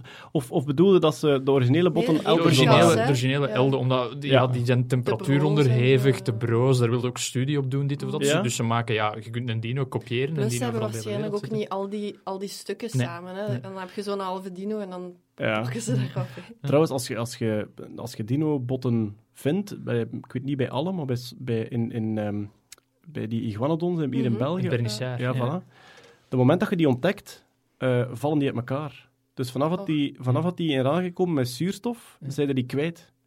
En ze hebben daar dan onmiddellijk een, een paleontoloog bijgeroepen, die een techniek had. Dus vanaf dat, die, eh, vanaf dat die vrijkomen, leggen ze daar een gipslaag over. En dan maken ze die langzaam verder vrij en leggen ze Ja. er maar meer gips over. Zodanig dat ook als ze uit elkaar brokkelen, dat die een vorm toch bewaard blijft. Maar ja, dat is, bij, veel, bij veel fossielen is het niet meer het origineel materiaal dat er ligt, maar Afdrukken en zo. Ja, inderdaad. Of iets, iets dat de holde opgevuld heeft die resteerde als het, eh, als het weg was. hè. Dus het blijft wachten op die amberbrokjes Ja. met dino Met die mug in. Ja. Over, de- over dino-koeken gesproken. Ik heb ooit naar, naar de producent van dino-koeken gemaild, omdat ik Ja. met mijn, mijn vrienden altijd een verschrikkelijke discussie had. Ik had een regel, je mocht een dino-koek niet opeten zonder dat je eerst zegt, dat is een dinosaurus dat ik aan het opeten ben. Dat is een kwestie van respect. Weet je? Triceratops, ham. eh Iguanodon, ham. Maar er was één koek, en dat was niet duidelijk of dat, dat Dat is een stegosaurus. ja, of dat een iguanodon was of een andere dino. Omdat dat was slecht getekend en je kunt Mhm. niet zoveel detail in zo'n koek steken. Dus ik mail naar, naar de producent, ik denk Lu of Lotus. Ik mail van ja... we Toen hebben- Lu, nu ja, Lotus. Ja, we hebben een, een discussie. Welke dino is dat? En ik krijg na drie weken van, ik denk, de marketingafdeling, zo een, in gebroken Nederlands, een mail terug. Zijn geen echte dinosaurus. Groetjes, Veronique. En ik weet niet of dat ze ermee bedoelde van, eh, dat zijn koekjes, hè. Of dat ze zegt van, ja, we, verzinnen die dino's gewoon. Eh, Bart van Peer, die helaas hier niet bij is, want die, die, eh, die, ja, dat is ook een grote fan van, van de, van de Dino-koek. En die woonde in de buurt van de fabriek, ik denk van Lu toen, Ja. want Lotus heeft dat overgenomen nu, die, of ja, gekregen, die, die licentie. Ehm, die woonde in de buurt van de fabriek en je kon daar, je kon daar soms verkeerde koeken gaan afhalen. Dus als de koeken verkeerd, als er een foutje in zat, dan kon je daar gewoon, je moest daar iets voor betalen en met de jeugdbeweging ging je daar naartoe en dan kreeg je gewoon een zak dino-koeken voor 5 euro of zo. En, houd u, houd u nu, dus Bart stond daar ooit een, een zak, met een zak dino-koeken voor, ja, dat zal toen nog eh 100 frank geweest zijn. Weet je wat de fout was, Jeroen? Weet je wat de fout was? Is dat allemaal veren? Nee, de chocola zat aan twee kanten. Beste Oh, Je had die zak kunnen verkopen voor 100.000 euro, man. Dat zijn collectors items. ik had er echt geld voor gegeven. Ja. Amai. Trouwens, de dag dat ik contact heb dat er ook dino-koeken zonder chocolade Ja, zijn, ben ik echt kwaad triestig, geweest. hè? Ja, maar nu hebben ze, Nu zijn die heel nu hebben ze dino-koeken. Ja. Nu hebben ze niet meer, die zijn niet meer in de vorm van dino. Nee. Nu zijn dat rondjes zoals Ja. prinskoeken met een afbeelding van een dino op. Ja, echt Nee, waar. dat gaan we Kom, boycotten. nee, Dat is echt ik- triestig, boycotten. ja. Ik heb letterlijk naar een de lijst gegaan en gevraagd van hallo, koop zijn de de oude dino-koeken terug in. Daar is nog stok van, ze kunnen die vinden en ik wil die hebben. En drie weken later kreeg hij een mail. hey, zijn geen echte Zeg geen echte dino. Veronique, als je luistert, ik wil meer uitleg. Goed, maar dus grootste dino ooit ontdekt. Maar er was alweer discussie hè, van is hij wel zo groot als we dachten, maar het blijft de grootste toch? Ja, ze, hadden in theorie, dacht ik, hadden ze hem groter ingeschat of zo. Maar dan... eh, Dat is een, dat is een bleek probleem van veel eh, mannelijke paleontologen.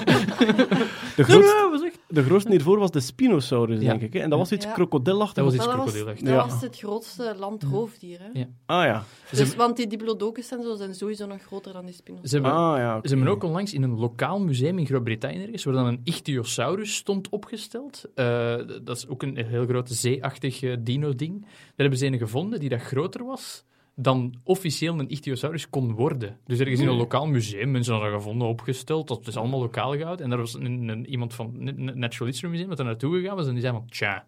We hebben die echt wel een paar grote ordes kleiner in ons database zitten. En effectief, dat was aangepast geweest, omdat er zo'n hoop dorpelingen ergens een dino hadden staan. Oh, dat was onze grote dino. En gevonden. Het is een levende wetenschap. Ja. Prachtig. En klopt dan nu nog altijd dat, dat eh, de blauwe vinvis nog groter is? Ja. Ik lees er altijd, hè. Dat Ja. grootste, grootste, grootste dier ooit. Ah, oké. Dus eigenlijk, die dino's gaan Ja, gewoon gaan whale-watchen, hè. Gro groot is natuurlijk ook zo. Heb je het over lengte of breedte of Mm. hoogte? Of, dat is Ja, oké. Dat, dat is, Gewicht. dat is iets dat veel mannelijke paleontologen Ja, altijd aan. Sociale impact. nog Ja, voilà. ja. Goed. Het is niet hoe groot hij is, het is wat je ermee doet. ja, in een museum zetten. Dat is, maar het is geen echte, maar een afgietsel. Hij is niet groot, maar hij heeft een Latijnse naam. Alright, grootste dino ooit ontdekt in ehm, eh, Argentinië. Eh, we gaan over naar Jeroen Baert, want er is een beetje bitcoin-nieuws. Dus Beetje bitcoin nieuws. vorige keer was het geforkt, hè, dus er Ja. waren twee bitcoins ontstaan en de, de prijzen schieten nog altijd omhoog, heb De ik prijzen schieten nog altijd omhoog, hij is nog altijd gestegen. Hij zou, er wordt geprojecteerd dat hij dit jaar de 5000 dollar nog gaat breken qua prijs, wat dat Oké. enorm veel is voor een virtuele munt. Eh, maar nu zijn er weer beweringen, dat is zoiets dat om de paar maanden opkomt, dat de originele uitvinder van bitcoin, Satoshi Nakamoto, eh, dat, is een, dat is een mysterieuze man, want hoe is bitcoin ooit gestart? Dat is iemand die op een, een mailinglist eh, een mail gestuurd had van hey, dat probleem waar jullie al uh, keilang mee bezig zijn, ik heb dat opgelost. Hier is een paper, hier is software. En dat probleem was het double spending probleem. Dat is van met echt geld kunnen zeggen, Jeroen heeft 10 muntjes, ik geef 10 muntjes aan Hetty. Ik, het, ik, ik kan niet nog eens tien muntjes uitgeven, want ik heb die fysiek op. niet meer. Ja. Met virtuele muntjes kan ik tien, virtuele muntjes aan Hetty geven en dan vervolgens aan Lieve zeggen, hier zijn mijn tien virtuele muntjes, omdat Lieve nog niet weet dat ik die al heb afgegeven aan Hetty. Ja. En eh, eh, Satoshi Nakamoto heeft dat probleem opgelost met Bitcoin, dus een groot eh, gedecentraliseerd tabel waarin dat transacties worden weergegeven. Maar die is dus anoniem gebleven. Die, die heeft blijven op die mailinglist communiceren en in 2008 hebben ze daar niks meer van gehoord. En nu zijn er om de zoveel maanden zijn er mensen die opkomen die zeggen van ik ben eh, Satoshi Nakamoto. en meestal zijn dat dan mensen die aandacht zoeken. Eh, ik denk eh, vorig jaar hadden ze in, in Amerika, want ze, ze proberen dan de data van die mails, proberen ze daar iets van te vinden. En ze zagen dat die vooral in de tijdzone die met Californië zou overeenstemmen, dat die dan voornamelijk actief was, Satoshi. En dan hadden ze een of andere Japanse ingenieur gevonden met een achternaam Nakamoto. Echt een super lieve oude man, een fysicus. En van de ene dag op de andere stonden er keiveel reporters aan die zijn huis. Heb jij bitcoin uitgevonden? En die mens had er nog nooit van gehoord, dus die kwam buiten en die is er echt depressief van geworden. Ik vond dat zo Oh, erg. god. Maar dus nu, eh, wat, nu heeft de FBI laten vallen van, kijk, wij kunnen eh, mails analyseren. Dat noemt, eh, nu ben ik de naam even kwijt. Het is het, het analyseren van eh, woordstijl en grammatica. Daar kunt er een soort van eh, fingerprint van maken. Dus Schrijfstijl, Schrijfstijl. die echt Te- heel persoonlijk is. ja. Telegrammetrie, ik weet het niet. Iets in die aard. Stilometrie, dat was het, stilometrie. En die hebben dus eigenlijk, dus ze hebben van Satoshi hebben ze een bepaalde fingerprint gemaakt. En nu de FBI heeft toegang tot belachelijk, belachelijk, belachelijk veel informatie. Dankzij het PRISM-programma, dankzij het, het, het Ga- Gather-programma, iets dat door Snowden is aangeklaagd. Nu Ja. ga ik wel snel. Dus de FBI kan heel veel communicatie afluisteren, hebben massieve hoeveelheden data van eh, gesprekken tussen, tussen mensen, van mails. Die hebben vervolgens die analyse losgelaten op die massieve hoeveelheden data die ze hebben. En nu hebben ze zo subtiel laten vallen op een conferentie. Oh, Satoshi, wij weten wie dat, dat is.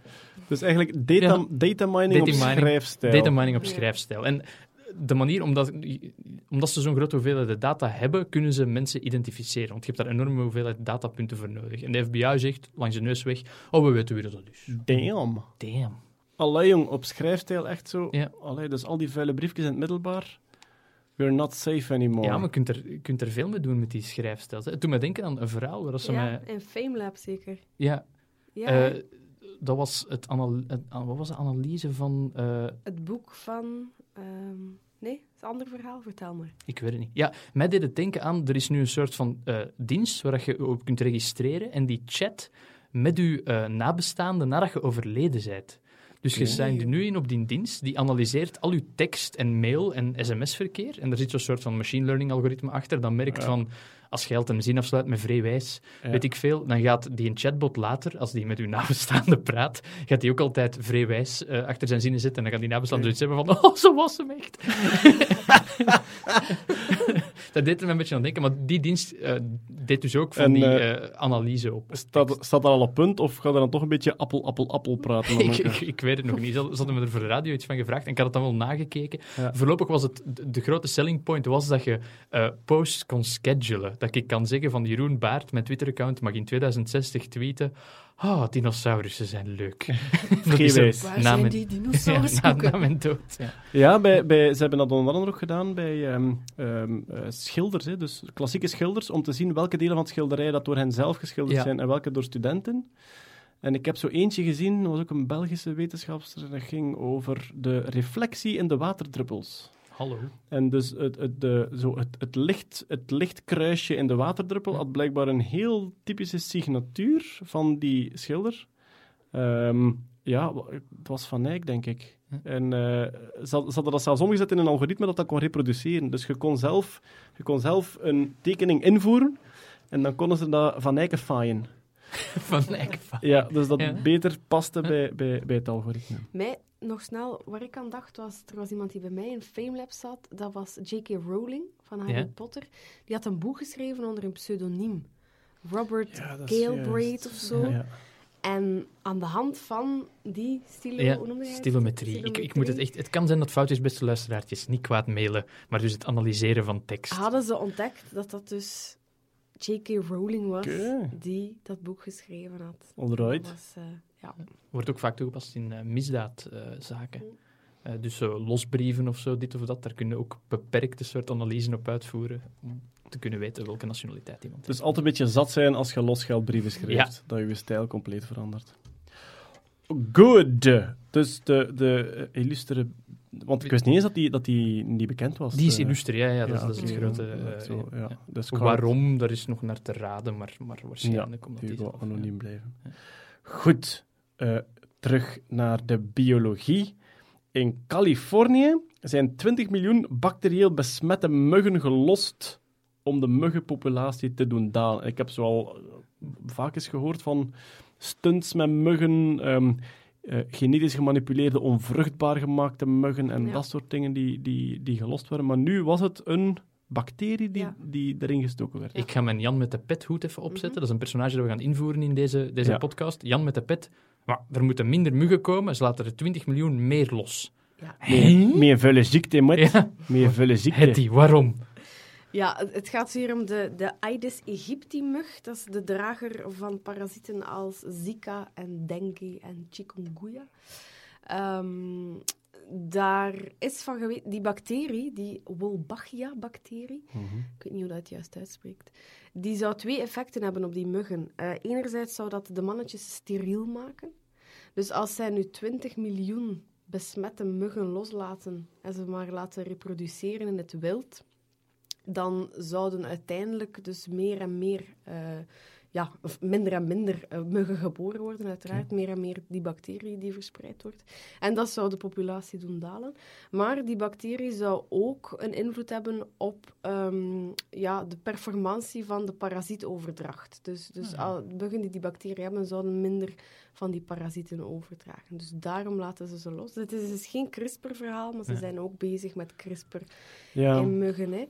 Maar dit is echt eh, ja, een, een besmette bacterie muggen loslaten. Eh, vraag ik mij hoe, altijd hoe zijn ze ja, zeker dat die muggen niet zeggen van... Ja, fuck it, we gaan poepen op Ibiza, doei.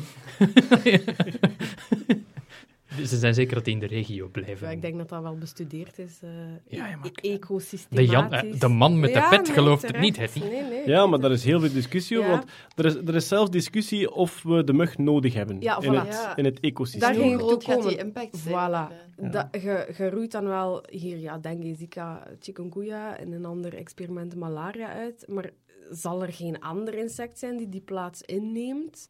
Ehm, en inderdaad, ja, dat ecosysteem valt dan plots in elkaar op een of andere manier. Wel, maar het, het, het gekke is dat hier en daar hoort je, hier en daar hoort je biologen die zeggen, we hebben ze niet nodig. Hm. Dus je hebt biologen, en dat is natuurlijk moeilijk, hè, want ja, Ja, je weet het niet, hè. als, je- als je iets over het hoofd ziet, zitten met, met gigantische miserie. Maar er zijn biologen die zeggen, van, goh, ik denk dat die er van tussen kan, de Mhm. mug. En ja, nog altijd, allee, dat wordt toch vaak gezegd, het, het dier dat de meeste menselijke doden veroorzaakt Ja. per jaar, door besmettingen, malaria en andere dingen. Ja. Dus eh, ja, een, een, ik denk niet dat, ja, technisch kunnen we het nog niet, hè, om ze er echt allemaal van tussen te halen. Maar dus ja, er zijn experimentjes, er zijn zo ja, genetisch gemanipuleerde die dan slechte genen moeten verspreiden Ja. door de populatie. En nu Ja. dus met, met bacteriën. En Microsoft, wel, Bill Gates heeft ooit zo Ja. een Ja. Bill laserkanon. Gates- Ja, Bill Gates steekt heel veel geld in eh, malaria-bestrijding. Ja. eh, Want dit is volgens mij een, eh, een bedrijf die van Alphabet ook afhangt. Ehm, Ja? ik, kan, eh, ik kan verkeerd zijn, maar en onder de Google-parasol Ja. zit. Ja. dacht ik. En is het in Californië is het specifiek voor die, voor die Zika-dreiging? Of voor die... eh, Ah, dat weet ik eigenlijk niet. Eh, nee, Het is, het, een, het is een bedrijf van eh, Google. Google Ja. Google's Life Sciences Ja. Unit. Ehm, ja, de Life Sciences Arm wordt het hier genoemd. eh. dus ja, kijk, daar zijn ze ook mee bezig. Leuk. Ah, ze zitten al in ons lijf ook. Ja. En in ons muggen. Ah, het zijn allemaal afluistermuggetjes. Dat is, dat, is- Die ons koopgedrag analyseren. Oh. dat is zo'n mug. En in plaats van, in plaats van te zoomen s'nachts in uw slaapkamer, kruipt u in uw oor. Moet sokken kopen. Moet sokken kopen. En die maakt ook je zinnen af. ik heb eens zin in mayonaise. ik heb zin in mayonaise van Davos Lemmens. Mm, porno. Goed. Wat zie ik hier staan op mijn blaadje? Het is tijd voor Musknieuws. Musknieuws. Musknieuws. Spijtig, spijtig dat Kurt er niet is. Maar... Eh, Nee, eh, Kurt is er helaas niet bij, maar hij steunt Musk van op afstand. Eh, Ik, zou, ja, ik zit al toch wel een beetje in het pro-Musk-kamp. Ik ben er allemaal niet neutraal in, zo. dat geef ik nu wel grif toe. Ehm Musk-nieuwtjes, er waren er eigenlijk twee. Hij heeft een filmpje getoond van ja, zo dat, dat, het, platformetje dat auto's door de tunnel moet bewegen. Hè? Ja. Want dus Musk gaat tunnels graven die net één auto breed zijn. En de bedoeling is dat je er niet zelf door rijdt, maar dat je auto met een lift op een platform geladen wordt. En dat dat platform dan aan ja, 200 per uur van de ene kant van de stad naar de andere zoeft. En daar komt het terug omhoog en mocht je weer zelf rijden. Omdat het, eh, dan kun je de tunnels veel kleiner maken, wat de kostprijs gigantisch te goede komt. En dan loopt het risico niet van al die idiote chauffeurs die wij allemaal zijn, eh, dat ze botsen. Ja.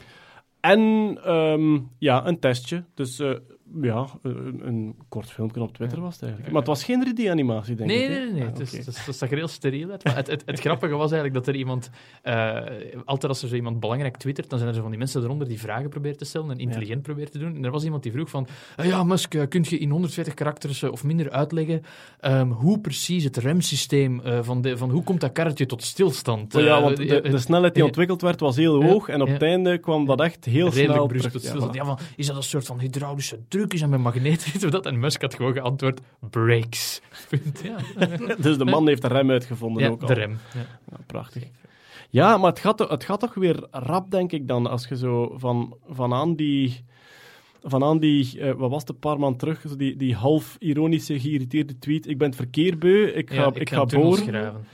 En dat je nu al filmpjes hebt met, die, met de testen van die, van die platformetjes. Maar hij had al, hij had al een testtrack voor die hyper, hyperloop, eh, hyperloop, hyperloop. Maar niet onder de Hyper- grond, denk ik. hè? Nee, ja, nee, dat was in, in, in Hyperloop wordt, eh, ja, wordt eh, boven de grond getest. Maar goed, ja, het is dan maar wachten hè, tot als we met een tunnel de Brusselse ring kunnen overslaan.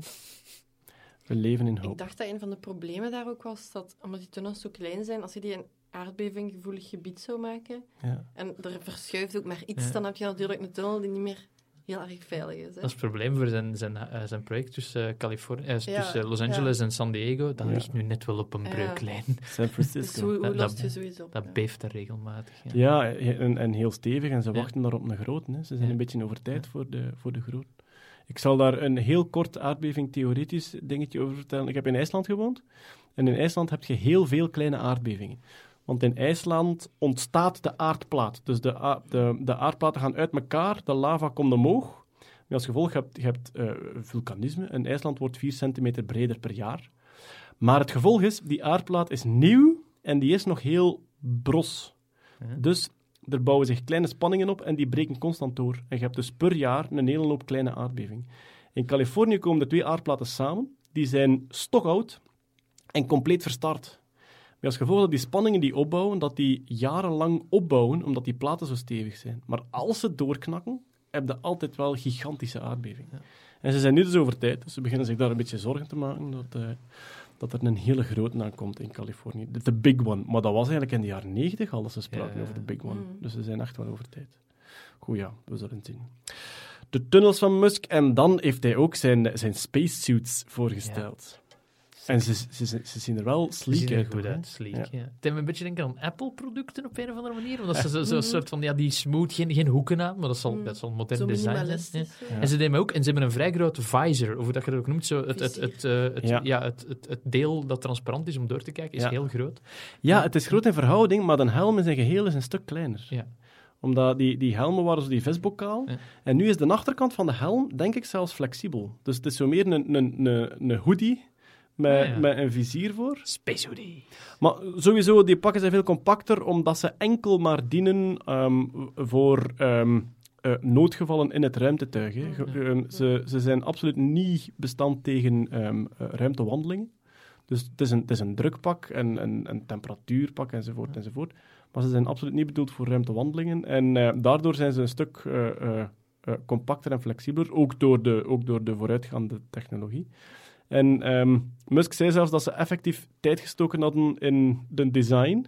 Dat dat waarschijnlijk het eerste ruimtepak ooit was dat ontwikkeld was met een beetje Een beetje esthetiek, esthetiek. maar dat dat aardmoeilijk was, omdat uw technische vereisten zijn, ja, zijn zo verschroeiend dat je heel weinig speelruimte hebt om te zeggen, en hier nog wat epauletten bij. dus dat ging niet. Maar ze zien er goed uit en er, zit, de- ze hebben zelfs botjes. Ja, het is zo... Dat is, want je kunt wel zeggen, een beetje Apple, dat is waar, maar er zit ook een vleugje, er zit ook wel een vleugje jaren 80 in. Hè? Van, van die leren botjes tot halverwege het onderbeen. Allee, ik zie er mij nog mee op de meer wandelen. Ja. Maar ja, waarmee zie ik me niet op de meer? man. Dat is een, Waardigheid. is het correcte antwoord. Ehm, ja, en Boeing heeft ook eh, spacesuits, hè, want Boeing is de andere private partner die ehm, astronauten naar het ISS wil voeren. Ze spreken van 2019. Dus ze spreken van bemande testen volgend jaar al, 2018. En van dan ehm, de eerste, ja, en er zit altijd heel veel patriotisme bij, want ze zeggen dan altijd de eerste astronauten sinds, ik denk 2011, Ja. die terug van Amerikaanse bodem naar het ISS gaan. Want nu moeten ze Oh, altijd hun trots inslikken en aan de Russen vragen, mogen we meerijden? Is er nog plek in de auto? Ehm, ja, en dus terug van Amerikaanse bodem. En eh, Boeing werkt hier denk ik samen met de NASA, maar die zijn, eh, die zijn wel vertragingen aan het oplopen. Laatste Musk-nieuwtje, de Falcon Heavy. Wordt getest in november. Dat is, eh, zeg eens wat dat is. Dat is de grote, de grote delivery-raket om staf naar de ruimte te doen. Ja, maar ook voor deep space, denk ik. Ik denk, Ah. dat dat al, denk dat dat al een beetje een opmaat is voor de, voor de maanmissies. eh, die, die ook al in, wanneer, wa- wou je niet in 2019 al, al twee mensen rond de maan sturen? Rond, hè? Niet Hij om. wilt veel, die Musk. ja. Maar hij had nu wel gezegd dat zijn Falcon Heavy waarschijnlijk ging ontploffen. Ja, ja, ja. ja. Hij heeft zichzelf wel een beetje aan het indekken. Ja. Hij heeft gezegd, het is gewoon heel moeilijk en we zouden heel blij zijn als de eerste vlucht lukt. Heeft hij- de eerste testvlucht lukt. Maar ja, die, die, landende, die landende raketten daar... Dat was Falcon 9, was dat denk ik. Ja. Hè? Die landende raketten zijn ook een keer of drie, vier Ja. omgevallen. En dat zorgt wel voor zo wat spanning en Ja. schone Ja. slow-mo-beelden van ontploffende dingen. hè. Wat dat er ook gebeurt, is spectaculair. Hè? Mm. Het is Ja. Heel duur speelgoed dat ontploft. Hey. Ja, ik heb me die bedenking gemaakt, omdat ja, af en toe ontploft er een keer een raket. In 2019 wordt de James Webb-telescoop gelanceerd. En de James Webb-telescoop is allee, qua vooruitgang waanzinnig. Dat is de telescoop waarmee dat ze effectief atmosferen van exoplaneten gaan kunnen analyseren, hè, volgens, de kleur en het licht dat er doorvliegt enzovoort. Dus de verwachtingen van die telescoop zijn gigantisch hoog. En ik zit te denken, ja, dat ding moet gelanceerd worden. Man, stel je voor dat dat ontploft. Ja, Miserie, hè? miserie, ja. Wat zeg zo- je daarop? Ja. We gaan de problemen oplossen als ze zich Het stellen. is dat. Dat gaan we doen. Oh ja, iedereen heeft Nou, het ik beeld wel. me dat bij de lancering iedereen zo super psyched is en dan zit die raket gewoon zo... Ja. De zware dag. Ja, ik, ik denk me altijd van, hoe, hoe is dat in zo'n controlekamer als er iets ontploft met mensen in, met Ja, die, dat- met ik die, denk met dat die dat challenges? Dat is, is, dat is, dat moet vreselijk Die zijn. beelden, die beelden van die Dat is, challengers ja. zijn, zijn... Dat was echt extreem. Ja. ja. Maar die zijn heel... allee, ja, die zijn heel intens, omdat gevoeld, gevoeld die, die sfeer in die zaal, maar er is een, er is een soort 100% professionaliteit op dat moment. Ja. En ik geloof, die, die een flight operator zegt iets van... ehm, eh, everybody be sure to, to store your data, because we're going to have to analyze this. En je ziet iedereen in een Ja, complete, je ziet iedereen in een complete focus gaan, terwijl dat er echt ja, gigantisch drama gebeurd is. Complete focus gaan om, dat, eh, ja, om, om, om, om te doen wat er moet gedaan worden. Dat zijn inderdaad eh, eh, zeer intense beelden. Goed. Eh, wat hebben we hier nog staan? De quantumcomputer. Er stond nieuws dat eh, in Delft, hè, dus in Delft is een, van de, een van de veelbelovende onderzoekscentra voor quantumcomputing, ehm, dat ze daar weer een grote stap gezet hadden naar, ik denk vooral het stabiliseren van de geheugenbits. Ja, het gaat over QTech in eh, Delft. En die zijn zo'n beetje gesponsord door eh, Microsoft. Die investeert daar superveel geld in. En ehm, die zijn inderdaad aan het werken aan het stabiliseren van de deeltjes. Want een van de grootste problemen met quantumcomputers is dat dat gewoon nog niet stabiel is. Die deeltjes, die, eh, ja, een klassieke computer is in 0 en 1 bits. En een quantumcomputer die werkt met qubits en dat is 0, 1 of alles daartussenin zo'n beetje. Die zitten in een superpositie. Ja, dus op zich, ja, dat, dat is eh, het, het hele gekke van, van quantum. Op zich kan het maar... Het kan enkel 0 of 1 zijn, Ja. maar zolang dat je het niet meet, is het een bepaalde kans... Ja. Het is een bepaalde kans dat het 0 zal zijn Ja. als je het meet, of 1. Maar het, is, het, het kan alleen 0 of 1 zijn. Maar Dat daar kun je met je hoofd toch niet bij? Nee, dat Met is- quantum, kun, echt da- lastig, quantum ja. daar kunnen we je hoofd niet bij. Nee. En daar zijn heel veel quotes van, van de fysici die het al ontwikkeld hebben. Einstein heeft het nooit geloofd, bijvoorbeeld. Nee. Net omdat het zo...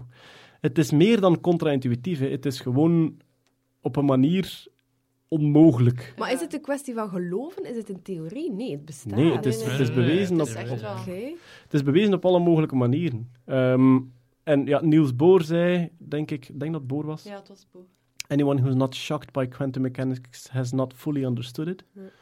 En Feynman, geloof ik, zei: um, I think it's safe to say that nobody understands quantum mechanics. Dus we kennen de wiskunde, we kunnen met de wiskunde het gedrag heel goed voorspellen. Mhm. Dus dat klopt allemaal, en die Schrödinger-vergelijking enzovoort. Intuïtief. Maar wat er echt aan de hand is, is ehm, zeer moeilijk te zeggen. Dat ja. maakt het dus moeilijk om uit te leggen aan een breder publiek, omdat Mm. je geen goede Ja. analogie kunt krijgen. Omdat een analogie meestal te maken heeft met Klopt. dagdagelijkse items ja. en handelingen. En Ja. dat kun je niet... Oh, sorry. ja.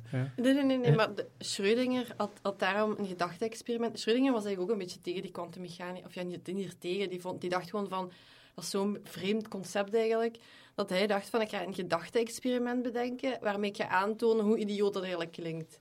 En zijn experiment, zijn gedachte-experiment, bestond eruit om een kat in een metalen doos te plaatsen, samen met een, een radioactief elementje, een geigerteller en een busje met, of, of een glazen dingetje met gif in.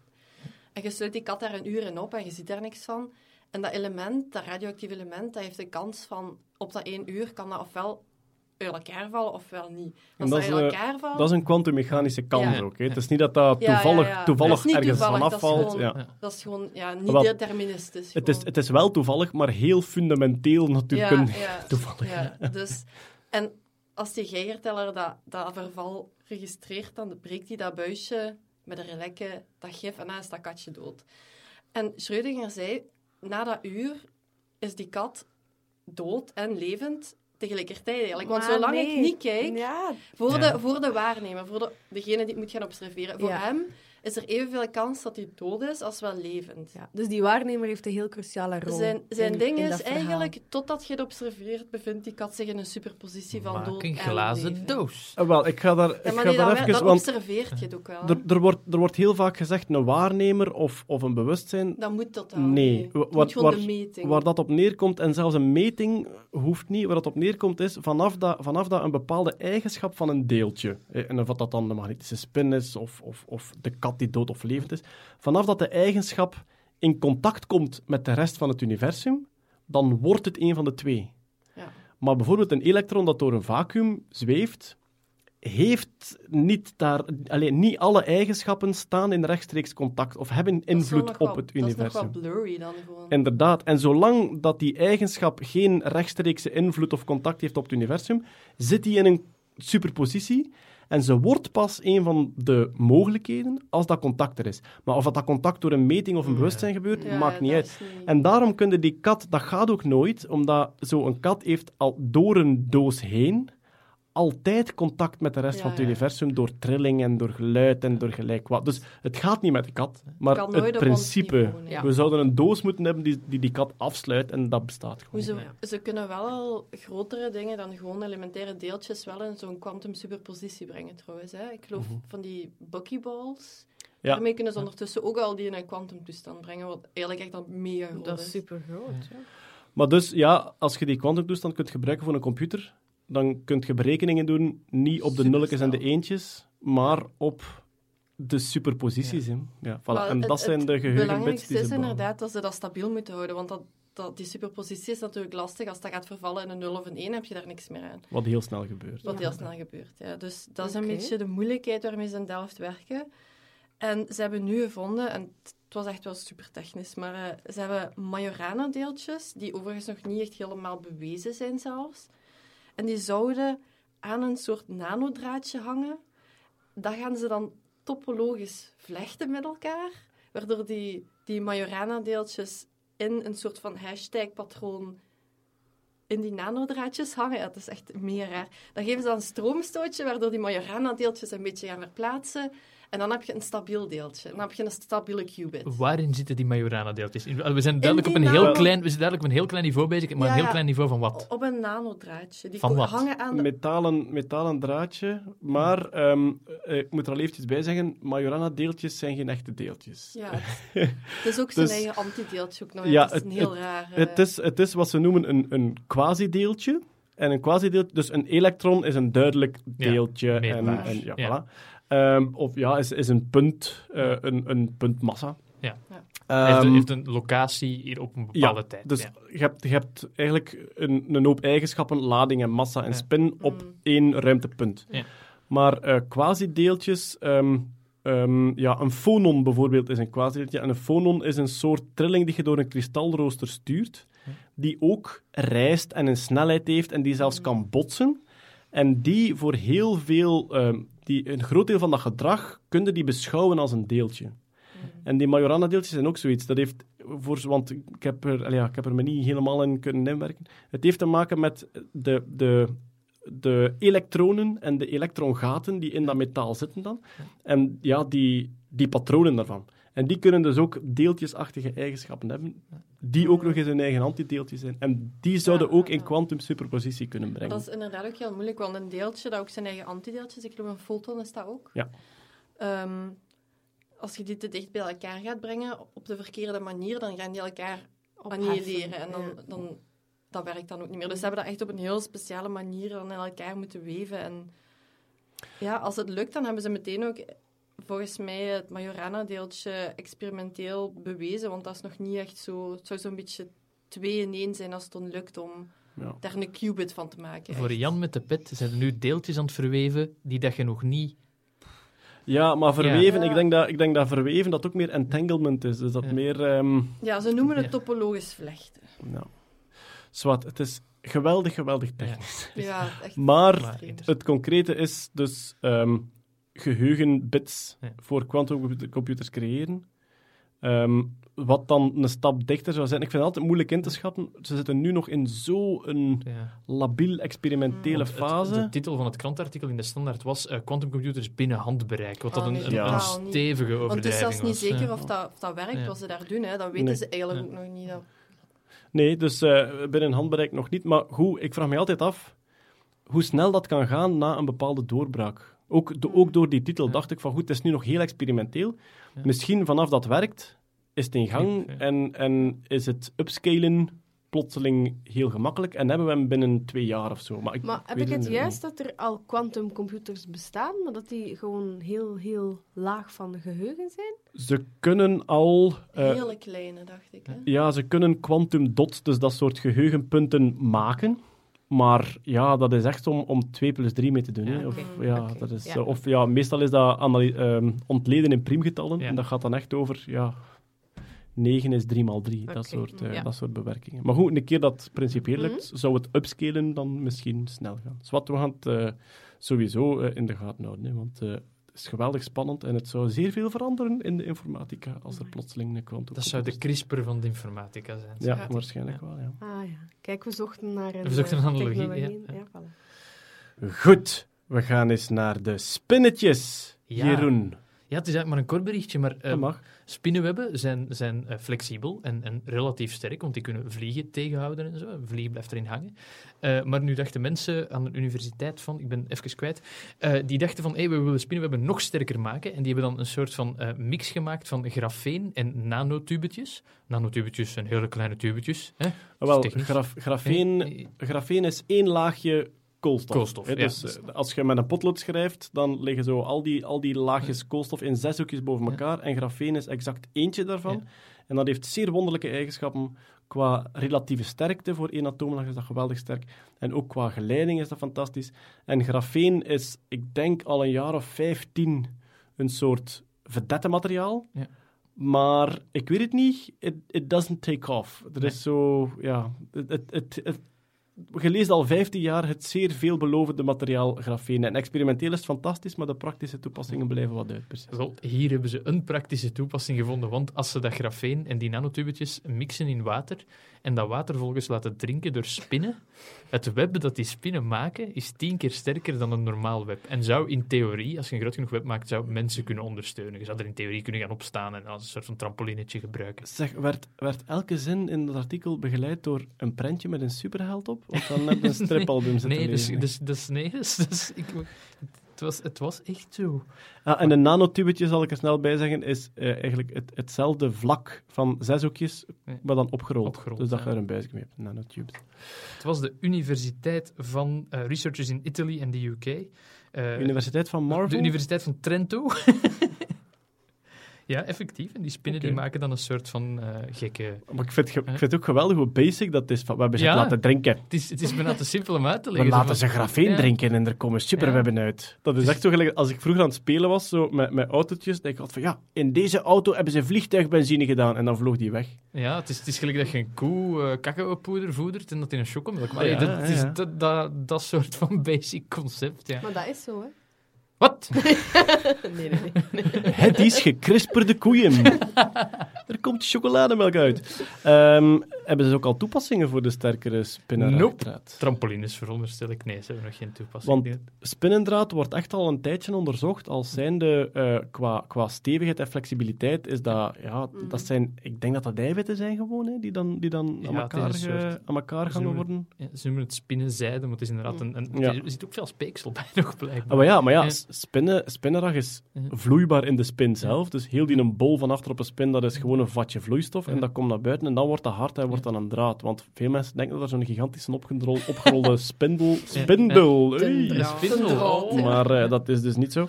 Ehm, ja, en ehm, een, een, ik denk vorig jaar hebben ze ooit waren ze van plan van we gaan die spinnenrag-eiwitten oogsten en zien of dat we die kunnen gebruiken in textiel om dingen te verstevigen. Of we laten ze drinken door mensen en dan worden ze supersterk of zo, weet ik veel, samen met grafeen. Maar ze werden gewoon kleverig. Ja.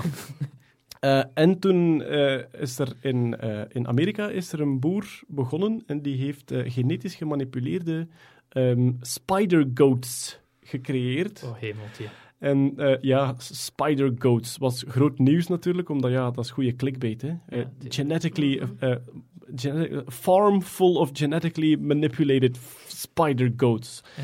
En dat waren dus gewone geiten. En ze hadden bij de melkproductie, hadden ze, ik denk ook via CRISPR, hadden ze dat, dat eiwitje van de spin, dus dat spinnenrag producerend eiwit, hadden ze ingeplant tussen de melkeiwitten. En dus er zat effectief spinnenrag in de melk van die geiten. Die was ondrinkbaar, maar ze konden dat er dan uitfilteren en verkopen. En het is, bleek economisch niet rendabel en het is weg. Ranzig. Het is wel ook ranzig. zitten die spider Ja, inderdaad. eh, ja, inderdaad. Ja. Ja, uniek te zijn. Als die, als die kleine geitjes hebben, dan moeten die geitjes altijd zo... Ah, dit is mijn velk. De velken tussen. De velk, ja. Je zijn wel direct, direct geflost ook wel. Dat is wel ja. handige. Ja. En als je spuwt, dan versteen het ook zo. En dan wordt het een elastiekje. Superhandig. Eh, ja, eh, eh, het laatste korte nieuwsje. Ehm, de Babyloniërs kosten ook al met driehoeken Ja. meten.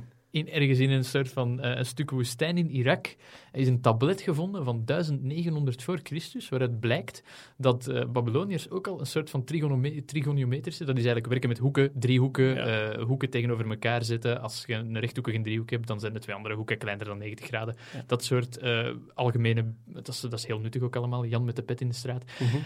En, en blijkbaar deden de Babyloniërs dat ook al, want tot nu was eigenlijk verondersteld dat enkel de Grieken ermee begonnen waren. De grote Griekse denkers, Pythagoras uiteraard, zeer bekend. Mhm. Maar nu blijkt dat als dat tablet effectief uit de Babylonische periode is, want dat is ook daar al een beetje natte vingerwerk, dan blijkt dat de Babyloniërs daar gewoon ook al mee bezig waren en die Grieken gewoon alles gepikt hebben. Gaan ze dat nu ook nog een keer krijgen, Dat de Babyloniërs? Ja, Want die hebben toch al veel, Alles, hè? hè? Hebben die niet... Bier, is dat ook al niet Babyloniërs? hangende tuinen. Hm. Ja, dat hangt allemaal samen. Dat is stabier geweest. het waren ook geen prutsers, die Babyloniërs. Nee, dat kon nog wat. Maar was het, was het ook al echt zo...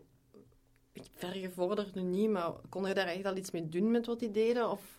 Goh, dat, ik denk Ik dacht dat... dat dat wel zeer, zeer, zeer Ja, het, basic het was zeer basic. En het, werd niet het werd niet gebruikt als toepassing in dagelijkse. Het was niet van, ah, als je je, je, je crops optimaal wilt laten groeien, moet je dit Ja. in een hoek zetten. Ja. Het was eerder een soort van, ja, het, het, het was hard verbonden aan de filosofie, Ja, aan ja, ja. denkwijzen over Ja. abstracte concepten. Nog geen een a kwadraat plus b kwadraat is c kwadraat. nee. Zover waren ze waarschijnlijk nog niet.